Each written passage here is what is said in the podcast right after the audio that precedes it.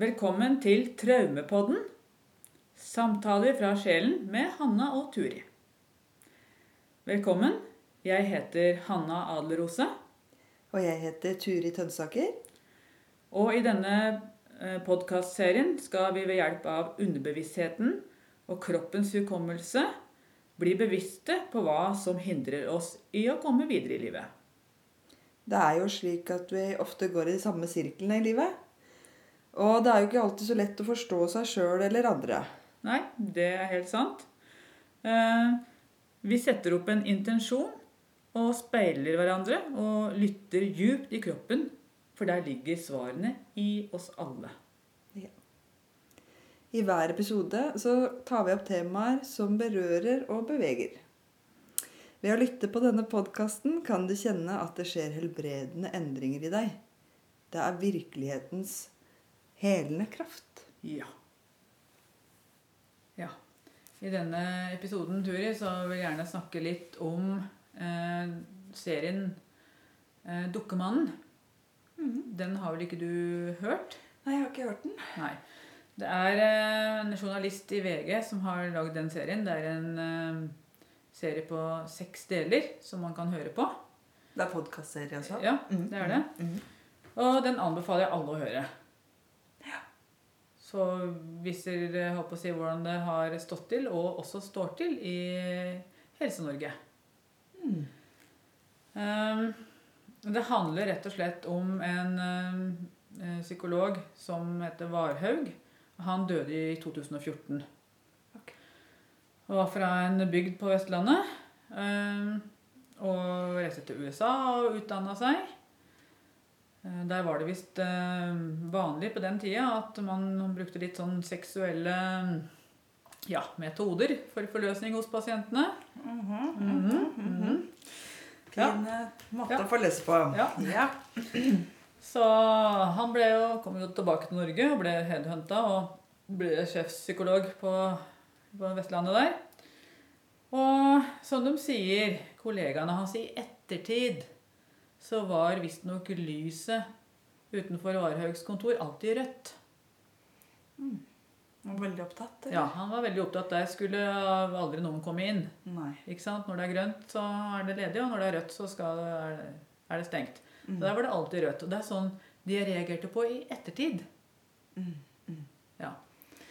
Etterpåklokskapen kommer. Etterpå klokskapen, ja. Det er riktig. Ja. Mm, mm. Så eh, Han ble jo etter hvert dømt for to overgrep på sine pasienter. Mannlige, unge pasienter, tror jeg det var. Eh, men han mista ikke lisensen sin. Å nei. Nei. Så han kunne egentlig bare fortsette som psykolog. psykolog.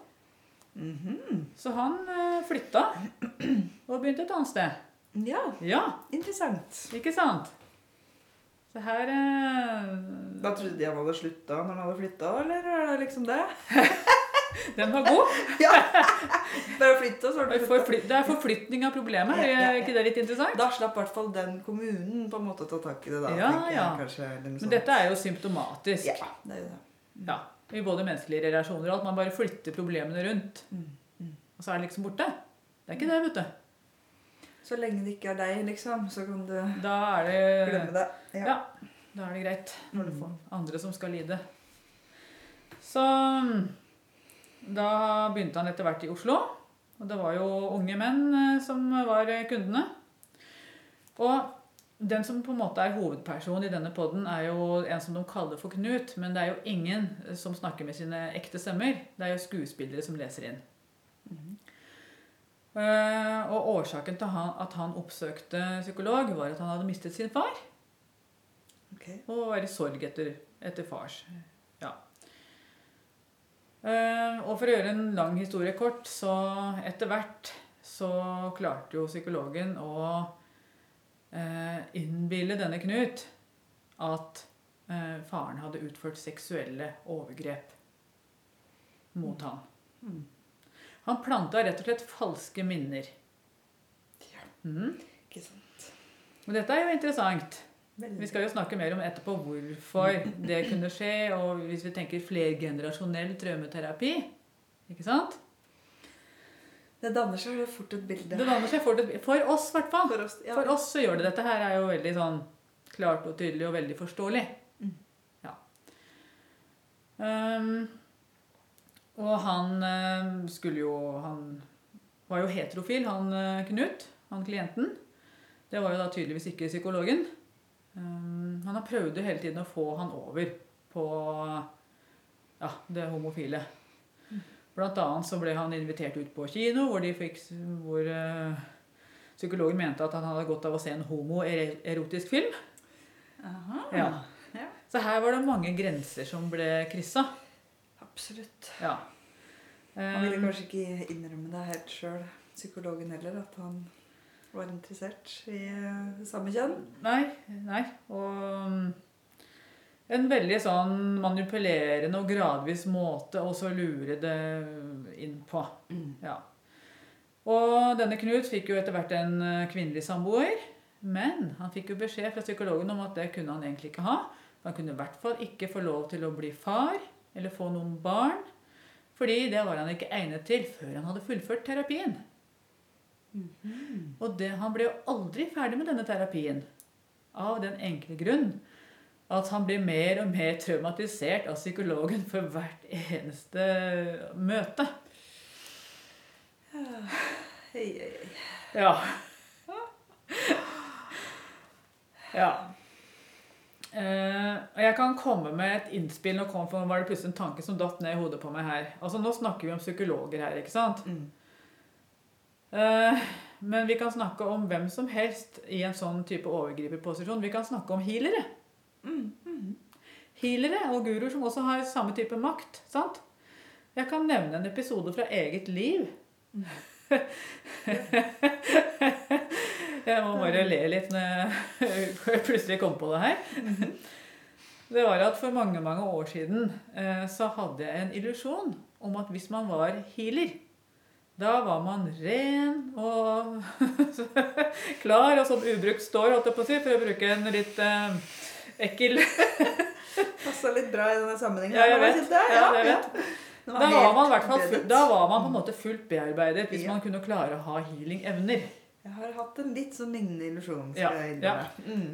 Eh, og det er jo også en sånn illusjon folk har, at hvis du er eh, statsautorisert psykolog, da står alt på stell. Ja. Der er det trygt. Da må, du bare, eller noe sånt. ja, da må du bare høre, for her er det ingenting som er gærent. I hvert fall så gikk jeg til den healeren, da. Eh, og så- eh, med et fysisk problem. Eh, og allerede til å begynne med, Det var ikke sant, Jeg hadde noe med tennene. Det var litt sånn eh, problem med tannkjøtt og sånne ting. Og så hogger han tak i låret på meg, og så sier han at ja, du som har så fin eh, lufting på tennene, du har vel ikke noe problem med tenna? Spesiell uttalelse. Ja. Det var jo leppene, da. ikke sant? Yep, yep, yep, yep. Ja. Og så etter hvert ble jeg da liggende på benken, og akkurat sånn som nå i dag, så klandrer jeg meg selv for at jeg lot det gå så langt at jeg ble liggende på benken allerede når han hogg tak i låret på meg der. Så burde jeg tenkt at hallo, dette her er rart. Men jeg var ikke helt der, da. Jeg skjønner det. Jeg tror det ofte kan bli sånn, faktisk. Ja. I en sånn situasjon at man liksom ikke helt veit hva man skal gjøre. ikke Ja, sant? ja.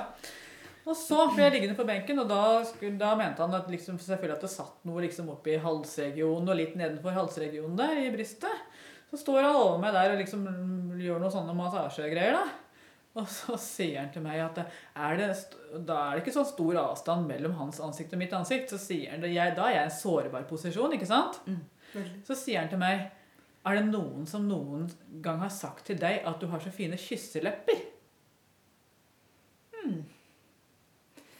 Blir bare bedre og bedre, dette her. Dette er en god historie. Ja. Ja. Og da sier jeg til ham ja, sier jeg. Det har mannen min sagt til meg mange ganger. Bra svart. Syns jeg. Og da gikk jeg av benken, og så var jeg så dum at jeg betalte 750 kroner for å ha blitt utsatt for dette her. Ja, ja, ja. Og så kom jeg ut i venterommet, og der satt det to kvinnfolk. Så tenkte jeg å herregud og stakkars dere. Og så gikk jeg ut i bilen og satte meg der.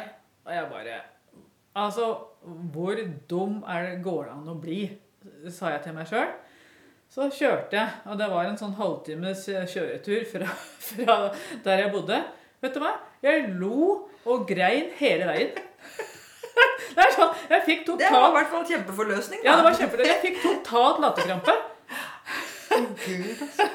Så jeg skjønte jo det at eh, altså, dette var jo ikke en person som var sunn og frisk i det hele tatt. Og, men hvis jeg ikke hadde vært såpass som jeg tross alt var, Mm, så kunne jeg blitt dratt inn i noe her som kunne ført meg veldig langt eh, og dårlig av gårde. mm. For det er jo veldig alvorlig Det er alvorlig. at det Dette skjer er sånne alvorlig. ting. ikke Ja. sant? Og at det faktisk kanskje ikke er så helt uvanlig heller. Nei, det er ikke så uvanlig. Nei.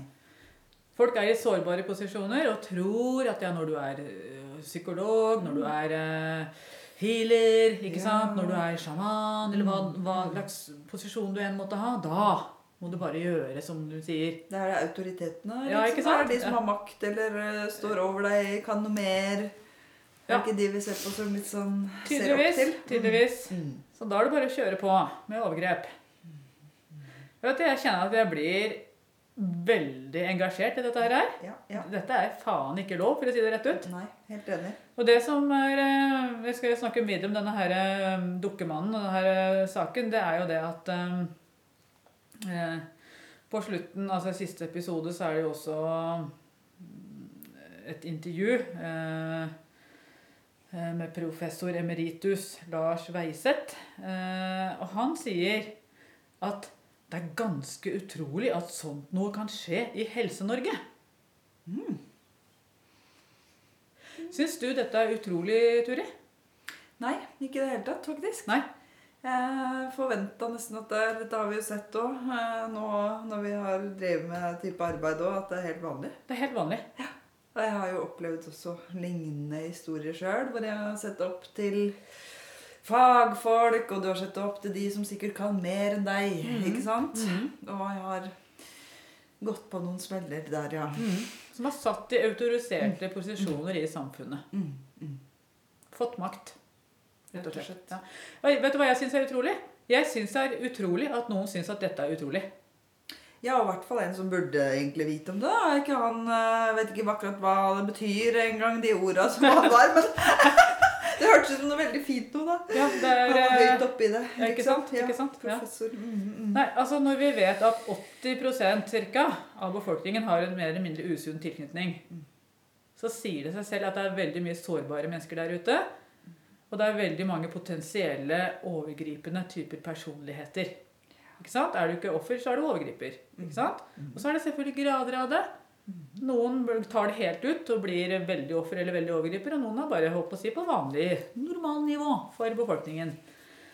Så det er ikke rart at dette skjer. Nei. Det er liksom sånn Ja, han Varhaug døde i 2014, og ja, nå skjer ikke sånn i dag. Jo, det gjør det. Dette tiden, pågår altså. mens vi snakker, så pågår dette i alle systemer. Egentlig skremmende hvor mye der, syns jeg. Ja. Jeg syns nesten at det Ja, så mye at eh, Er det noen som ikke er berørt av det, egentlig? Jeg kan nesten begynne å lure. Aha. Ja. Og så er det jo sånn eh, Han Veiseth Weiseth ble jo intervjuet av eh, hun VG-journalisten. Ja, hvordan kan dette skje? At folk blir så dratt inn i dette her? Og det er jo selvfølgelig interessante eh, dynamikker som han beskriver. Dette her er jo et avhengighetsforhold eh, som psykologen skaper. Eh, makt og kontroll over andre mennesker får man i et avhengighetsforhold. Ja. Ja, altså han, eh, Knut han eh, var jo så avhengig av denne psykologen at selv når den psykologen flyttet tilbake til Vestlandet, så tok han fly og kom etter den. Og var helt desperat. Tenk på det. Ja, og han vitna til og med falskt, falskt for psykologen i en rettssak. Ja. Ja. Og han sa da, i sin uttalelse i- under rettssaken, at eh, han Et eller annet om at han kan ikke være skyldig, jeg håper han ikke blir dømt fordi jeg er så avhengig av han. Det burde ha gjort at noen bjeller ringte. Mm, enig. I rettssystemet. Ja, ja. Så burde de absolutt ha sett det. Ja. Det er veldig rart. Så, og hvor kommer dette her avhengigheten fra? Og behov, altså, manglende evne til å stå i seg sjøl? Jo, det kommer fra familien. Fordi når vi vokser opp, totalt avhengig av mor og far. Vi er jo det. Vi er jo det. Mm. Det er et avhengighetsforhold, det. Eh, og så sier han Veiseth, ja, det, er altså, det handler om respekt for autoriteter, at vi er usikre på oss selv.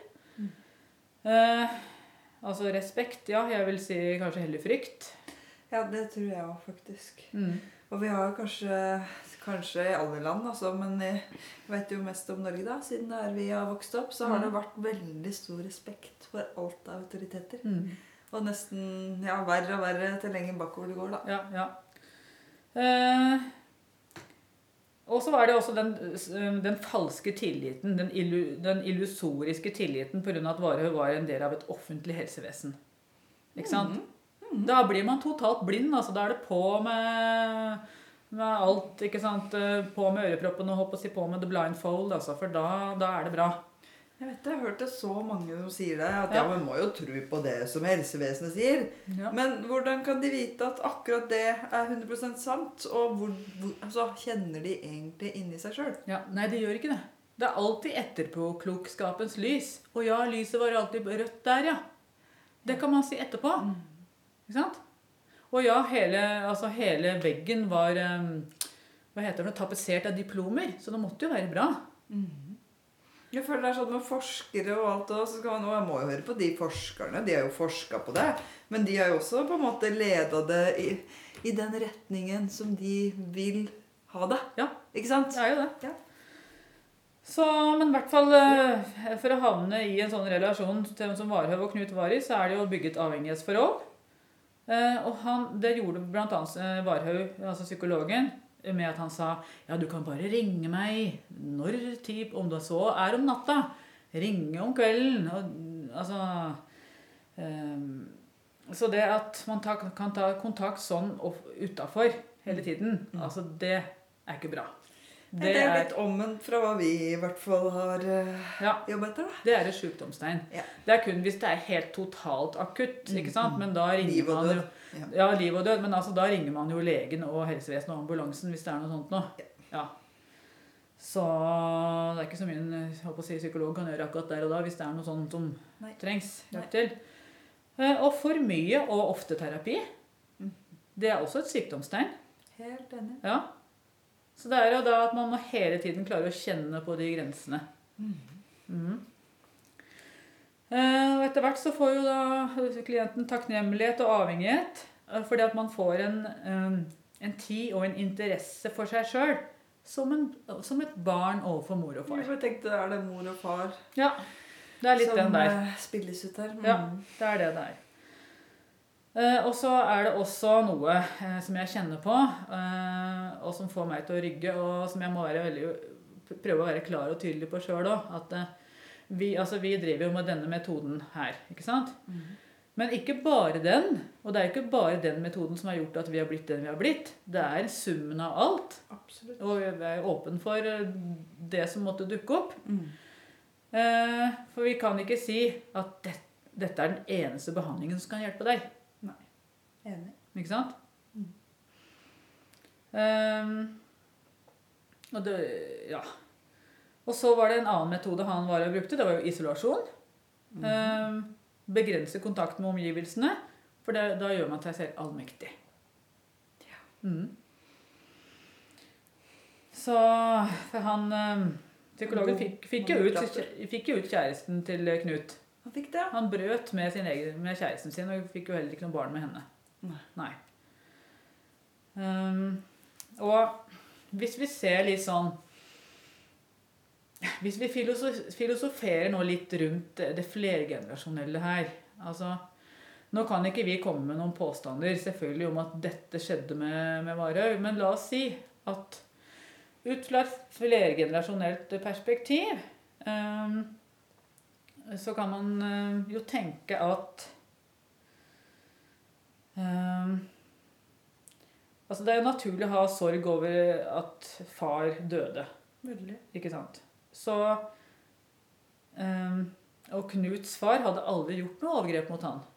Nei. Så det var rett og slett den sorgen han kom for å bearbeide. Mhm. Så ble det påstått fra psykologen at det var seksuelle overgrep. Sant? Mhm. Og hvorfor det? Ikke sant? Hva er det som er ubearbeidet i den psykologen? Kan være Vi må passe oss nå, vi sier ikke at det er sånn. Men la oss si et lignende eksempel på siden. Da. Det kan det være at det kan ha skjedd noe i barndommen til denne personen. Og så spiller man sin, ut sin egen barndom og projiserer sine egne seksuelle overgrep over på eh, f.eks. en klient. Det høres veldig sånn ut, altså. For det kommer jo fra han. Varhaug. Det kommer jo fra han, ja. Ikke sant? Ja. Men vi kan jo selvfølgelig ikke si at Nei, jeg veit ikke det. Nei, Nei. Men vi, vi det, er lov, det er lov å filosofere rundt det. Vi kan tenke, tenke rundt det. Ja. Og eh, et, eh, i en scene der så står jo denne her psykologen eh, bak Knut. Knut ligger naken med rumpa til. Mm. Og psykologen penetrerer da Knut og gjør et seksuelt overgrep mot den. Mm. Og plutselig tar psykologen og smeller til og, uh, Knut i bakhodet. Mm. Og så sier da Knut 'Hvorfor slo du meg?' Og så sier psykologen 'Det gjorde nok din far'. Her er det jo tydelig et traume som utspiller seg, i hvert fall. Mm. Og hvorfor har han behov for å si at 'nei, det her var liksom din far'? Ja, ikke sant? Og plante minner. Dette er jo typisk når man fortrenger ting. Mm i egen oppvekst, så er det nettopp sånne Altså Sånn det kan gå. Og det skal vi tenke på når vi møter folk i maktposisjoner. Akkurat som i første episode, når vi hadde om projeksjoner, så er jo det her å ja, ja. virkelig å projisere ja. Man skal være litt oppmerksom Mm. Føles som at vi er liksom naive og snille og ja, men alle vil jo sikkert det beste, og så Ja, vi tror på alt, ja, alt som folk sier. Mm. Ja. Mm. Så dette her syns jeg var veldig interessant. Og mm, det er også at, eh, at, psykologen her ønsket at, eh, at, Knut ikke skulle ha noen kjæreste og ikke noe kontakt med noe kvinnelig. Og la oss si da at noen blir utsatt for vold og seksuelle overgrep av sin far, mm.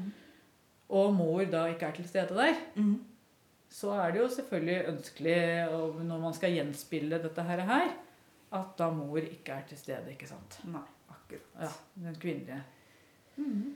Nei, det, det, er jo overgriper. Det er jo overgriperen ikke sant, som mm. snakker der. Mm. Mm. Så jeg bare kjente at dette her engasjerte meg veldig, så um, Jeg tror det er en viktig problemstilling å få tatt opp nå. sånn at virker liksom at det skal bare fortsette og fortsette. og fortsette, Så jeg har det ja. ikke liksom vært sånn så lenge, og, og, fortsatt så er det ja. mye. Og så lurer jeg på en ting. Vi skal jo ha en prosess nå etterpå om mm. eh, ja, pedobygda. Mm -hmm. Rett og slett. Vi vet om flere. Ja, vi vet om flere. Mm -hmm. Og jeg lurer på hva er årsaken når eh, folk klart og tydelig har fått beskjed -hmm. av andre berørte i en bygd at uh, der bor det en pedofil. Uh, støtter du han, så Ikke sant? Hva er årsaken til at folk fortsetter å støtte den personen? Ja, Og beskytte den, og beskytter liksom. den, og, ja, og ingen føler noe behov for å varsle eller si noe som helst. Hva er årsaken? Ja, ikke liksom bryr seg så veldig om offeret. Da har vi jo sett mange ganger. Ja, ja. Min første tanke er jo faktisk det at det må være noe i deres eget kanskje familiesystem som de da prøver å beskytte. At det kanskje har skjedd også overgrep der. ikke sant? Og at når dette begynner å komme fram, så blir det veldig viktig for dem å på en måte beskytte hemmeligheten, egentlig sin egen. Ja. Jeg vet ikke, Det er en tanke. Ja, det kan være. Mm -hmm. Vi vet ikke. Men vi skal gjøre en, ja, vi gjør, vi gjør en prosess på det. Så kan vi undersøke litt. Ja. Mm. Ok. Takk. Ja. Vår intensjon er nå eh, å gjøre en prosess og undersøke dynamikkene i pedobygda.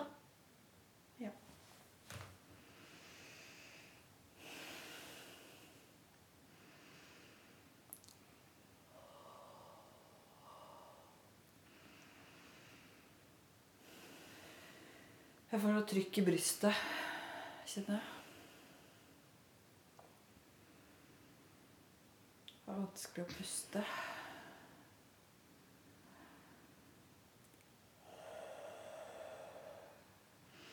Og jeg får sånne bilder av at dette har foregått i uminnelige tider. Nesten tradisjon for dette her. Aha. Jeg ser sånne tømmerbygninger, ikke sant. Ja, ja. Og så små barn. Nesten sånn, Det fantes jo ikke samlebånd på den tida, men det er sånn uh. Ja. Mm. Jeg føler jo at det Akkurat som at jeg ble trykt nedover. ikke sant? Akkurat som noen å, legger seg oppå meg. Som det er det som er trykket. Mm. Nedtrykket, ja.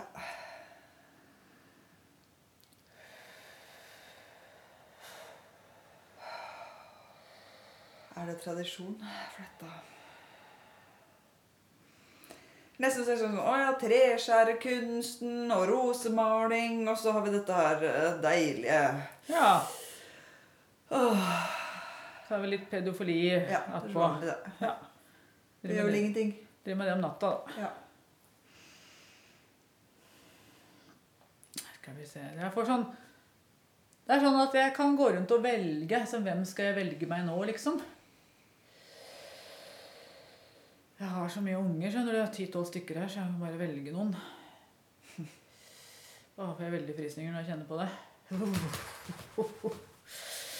Når du sier det, så er det akkurat som at jeg ser gamlemor som sikkert er mor med hvitt som skaut, må liksom rømme nesten bort. Hun Nei, kan ikke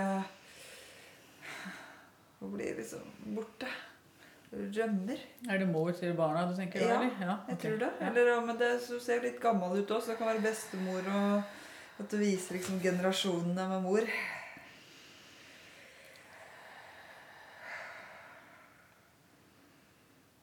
Ok.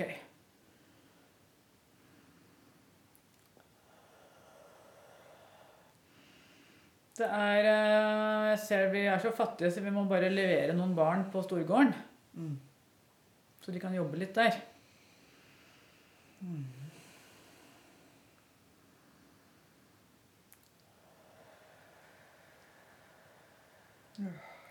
Jeg føler meg som en Jeg føler jeg har mye makt. Jeg føler at jeg bare tar imot disse barna som eh, arbeidskraft. Jeg føler at eh, jeg kan bruke dem til akkurat hva jeg vil. Jeg føler ingenting. Altså, de er eh, Altså, jeg kan ikke bruke ordet kastesystem akkurat, men de er eh, For meg så er ikke de mennesker. For det er min stand. Og så er det de andre. Um, ja. Jeg blir mer og mer trist, da, for jeg føler at jeg har mer og mer mødrenes følelse som Jeg har lyst til å nesten trekke det skautet ned. Jeg kan ikke se, jeg kan ikke føle, jeg kan ikke tenke. Egentlig så syns jeg det er helt forferdelig. Det er helt forferdelig. Jeg vil ikke. Jeg hører det du sier, men Jeg får sånne frysninger holdt på å si, over eh, skambeinet, som vi sier i Norge.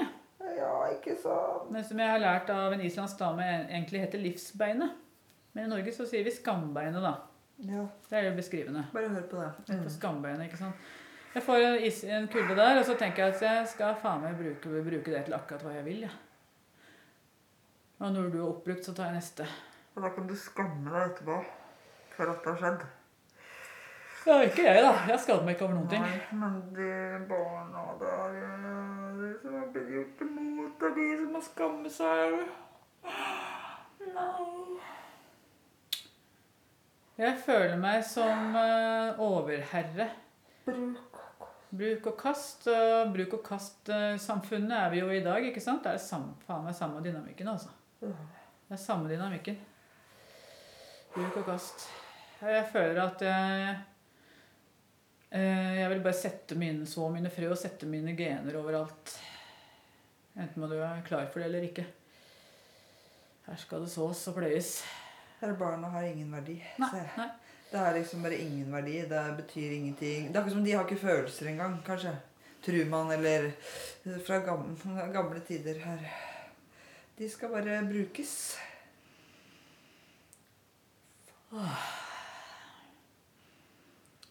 Det er så behagelig å altså bare ha det sånn. og Bare kunne bruke og bare valse fram og bare gjøre akkurat som jeg vil. Jeg føler at jo flere jeg bruker, jo høyere posisjon får jeg. Jeg føler at dette er livet. Og jeg føler at eh, alle vennene mine de kommer på i, sånn eh, juleparty, eller hva heter det for noe sånn eh, hos meg. Jeg serverer kalkun og Vi er de samme, føler jeg. Ja. Ah, det er klanen min. Vi er de samme, vi tenker likt. Vi sier det ikke høyt, men vi mener akkurat det samme. Vi vet det. Ja, for jeg føler meg som de andre. De som bare må underkaste seg, har ikke noe valg. Vi har ingenting. Makt er like rett. Jeg kan ikke si noen ting. er helt stille. Og la det skje. Oh, oh, oh. Makt er rett, jeg har alle i bygda bare i ryggen på meg. Jeg er stor kar eller stor kvinne. For å si det sånn, så er det en grunn til at jeg har det største og eier det meste. Det er tradisjon for å legge under seg her. Jeg ser masse Verdien er samla på blod. Det er barneblod i bakken der. Når du nevner det, så ser jeg noen skjeletter ja, som er gravd ned både her og der. Men det er fin eh, gjødsel for jorda der, skjønner du. Da gror det enda bedre.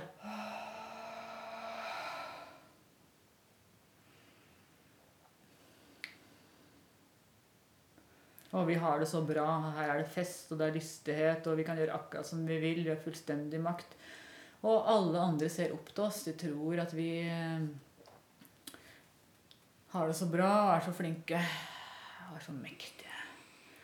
Ah, fantastisk. Jeg er mektig. Makt er lik rett. Hvor er mitt neste offer?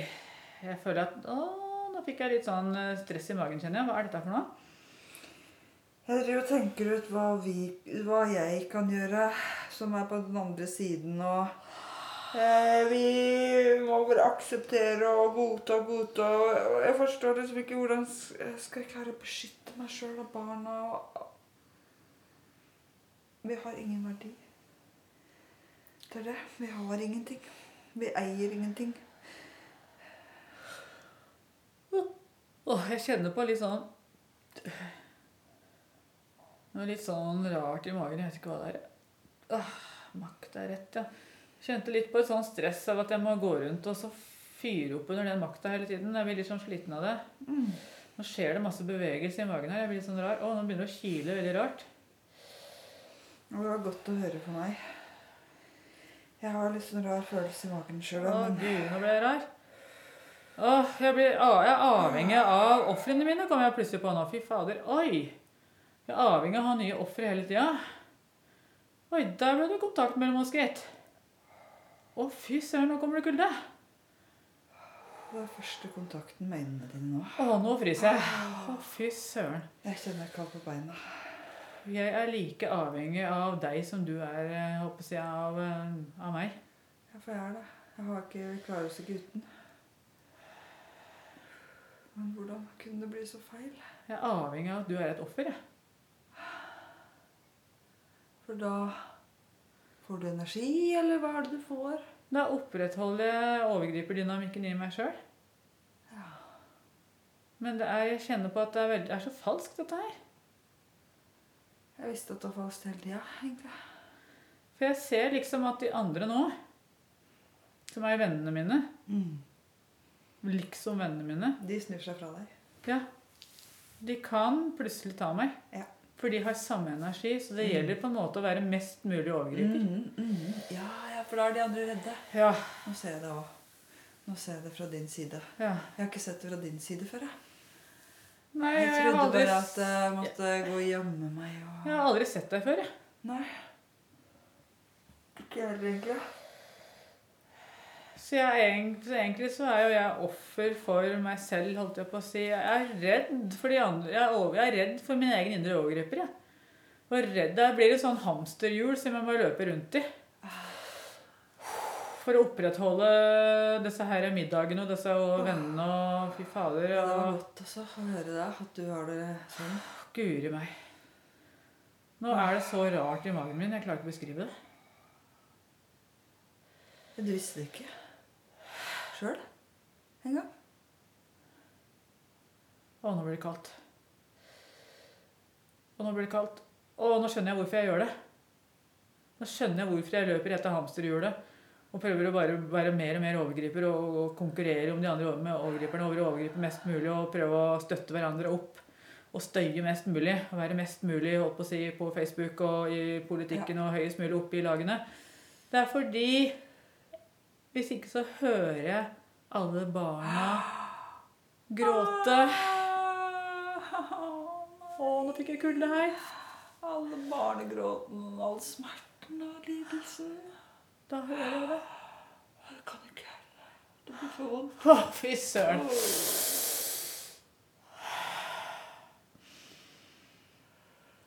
Jeg har gjort meg selv til en overgripermaskin for å støye over alle sjelene som roper. Jeg er faen meg en sjuk jævel, jeg. Jeg er en sjuk jævel. Jeg er glad for at du innrømmer det. Jeg er en sjuk jævel. Jeg kan ikke få sagt det nok. Jeg er en sjuk jævel.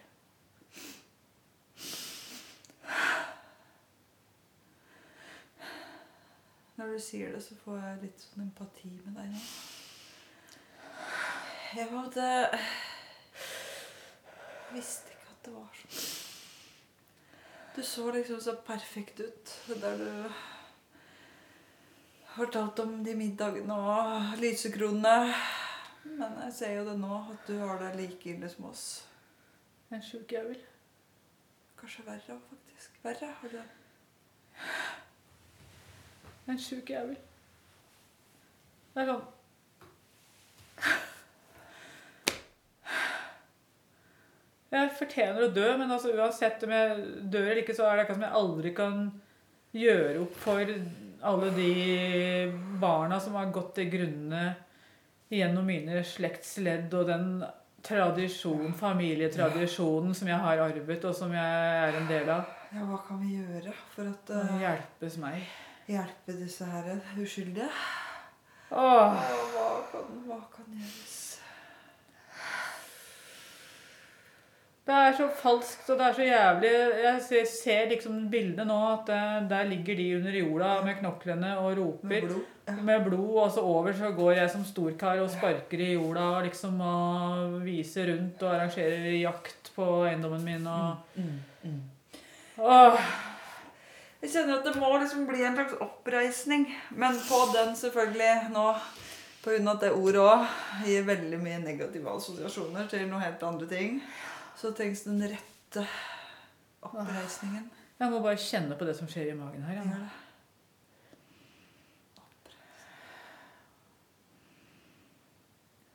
Jeg føler at det skriker etter hjelp. Ja.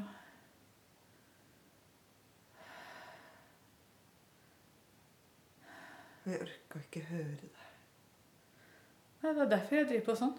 Og det er derfor jeg ikke kan uh, si noe i bygda heller. Og ikke vil høre hvis noen andre sier til meg at, Mm. at det er, uh, han er eh, pedo. Nei, nei, det vil jeg ikke høre. Ja, ikke sant. Enten så er jeg redd for at da skal de komme og ta meg, eller så skal jeg beskytte mine egne. Det er det. Mm.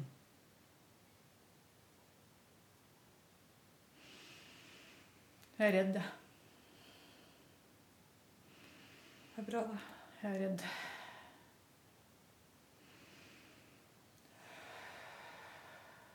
De barna var så redde også. Jeg syns det er bra. Kanskje vi må gå inn og virkelig kjenne på det, og i stedet for å overdøve her, da, kjenne og høre alt. Er det så ille, da? Eller hvis det er den eneste måten Jeg kjenner noe rart i magen her. Her. langt ned der Ja. Prøv å kjenne i min kropp som skjer egentlig.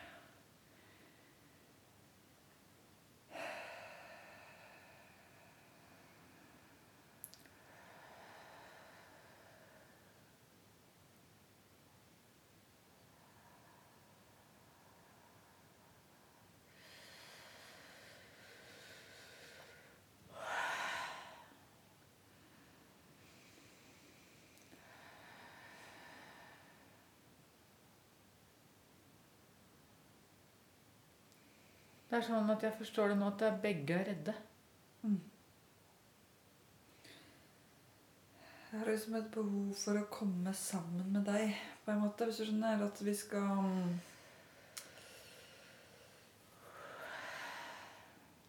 Hjelpe hverandre. Altså, jeg føler at jeg trenger deg, men eh, jeg skjønner nå at jeg trenger deg ikke på den måten. Nei. Og nå ble jeg rar når jeg sa det. Jeg trenger deg ikke på den måten.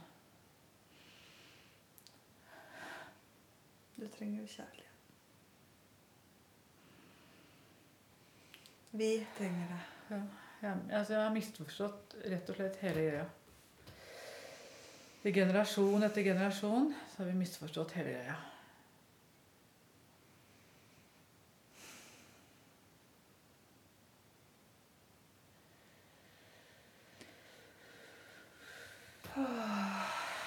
Så du kan slappe av mer og mer nå. Jeg har lyst til at vi skal finne et slags bindeledd mellom oss, men jeg vet ikke helt hvordan jeg skal gjøre det. Jeg ville gjerne rekke ut eh, hendene, men jeg vet liksom ikke helt om det Om vi kan møtes.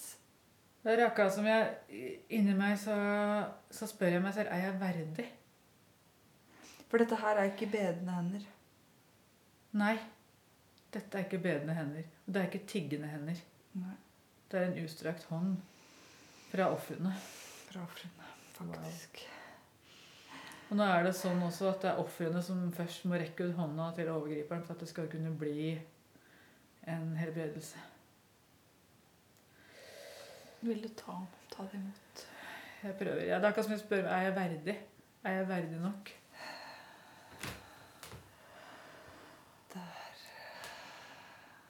Ble det kontakt.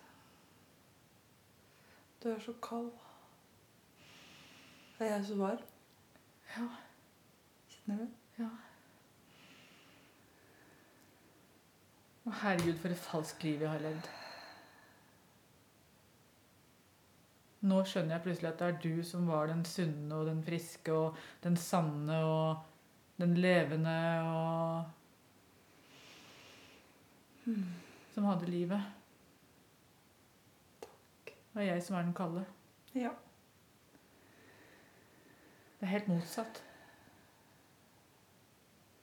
Med en gang når du begynte å innrømme ting, så begynte jeg faktisk å kjenne den kjærligheten for deg, og jeg var liksom ikke sint mer da.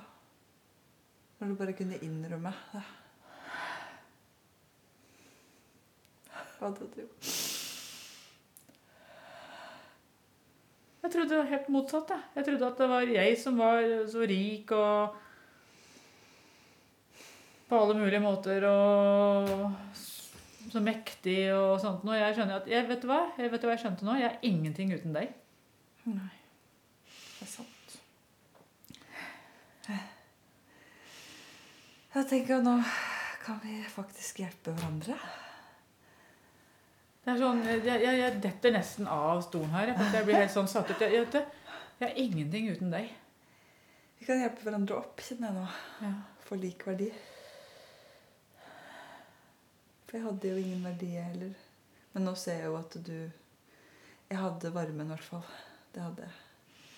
Det er du som har varmen. Mm. Verdier var ikke gull og gods. Og ikke det makt å kjøre over andre og Det er rett og slett Jeg var så redd for de såkalte vennene mine og maktposisjonene. Og herregud, for et slitsomt liv. Mm. Jeg vil bare være meg sjøl, jeg. Ja. Jeg kan varme deg nå. så ser jeg på en måte at jeg kan bare gå ifra alt gods og gull og sånt. men Det betyr egentlig ingenting. Jeg trenger ikke stå på noen talerstol og si noe stort. Jeg trenger ikke å klaske diplomer på veggen. Jeg trenger ikke bevise noe for noen.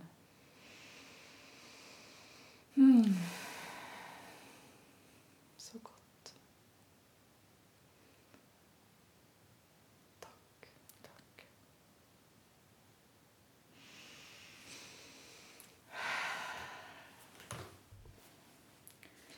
Ja, da har vi gjort den eh, prosessen her. Mm. Og fikk mange nye innsikter.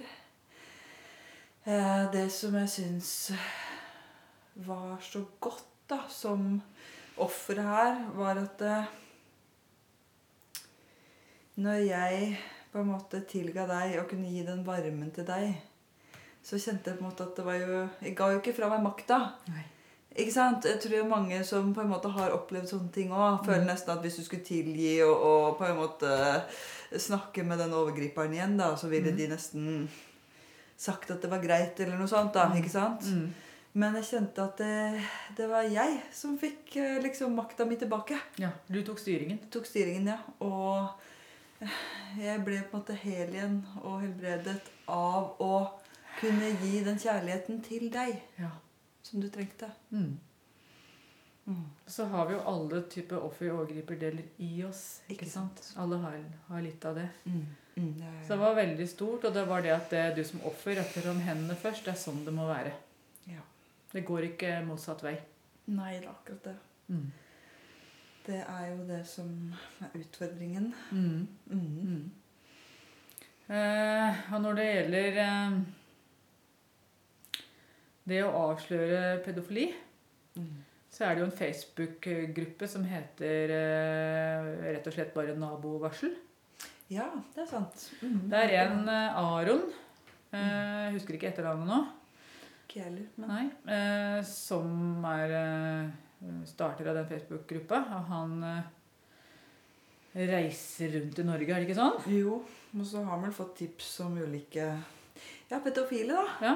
Og han er jo ikke av de som vil eh, beskytte overgriperen. Han mener at det skal komme fram at barna ikke sant, Ja. skal bli beskytta. Ja.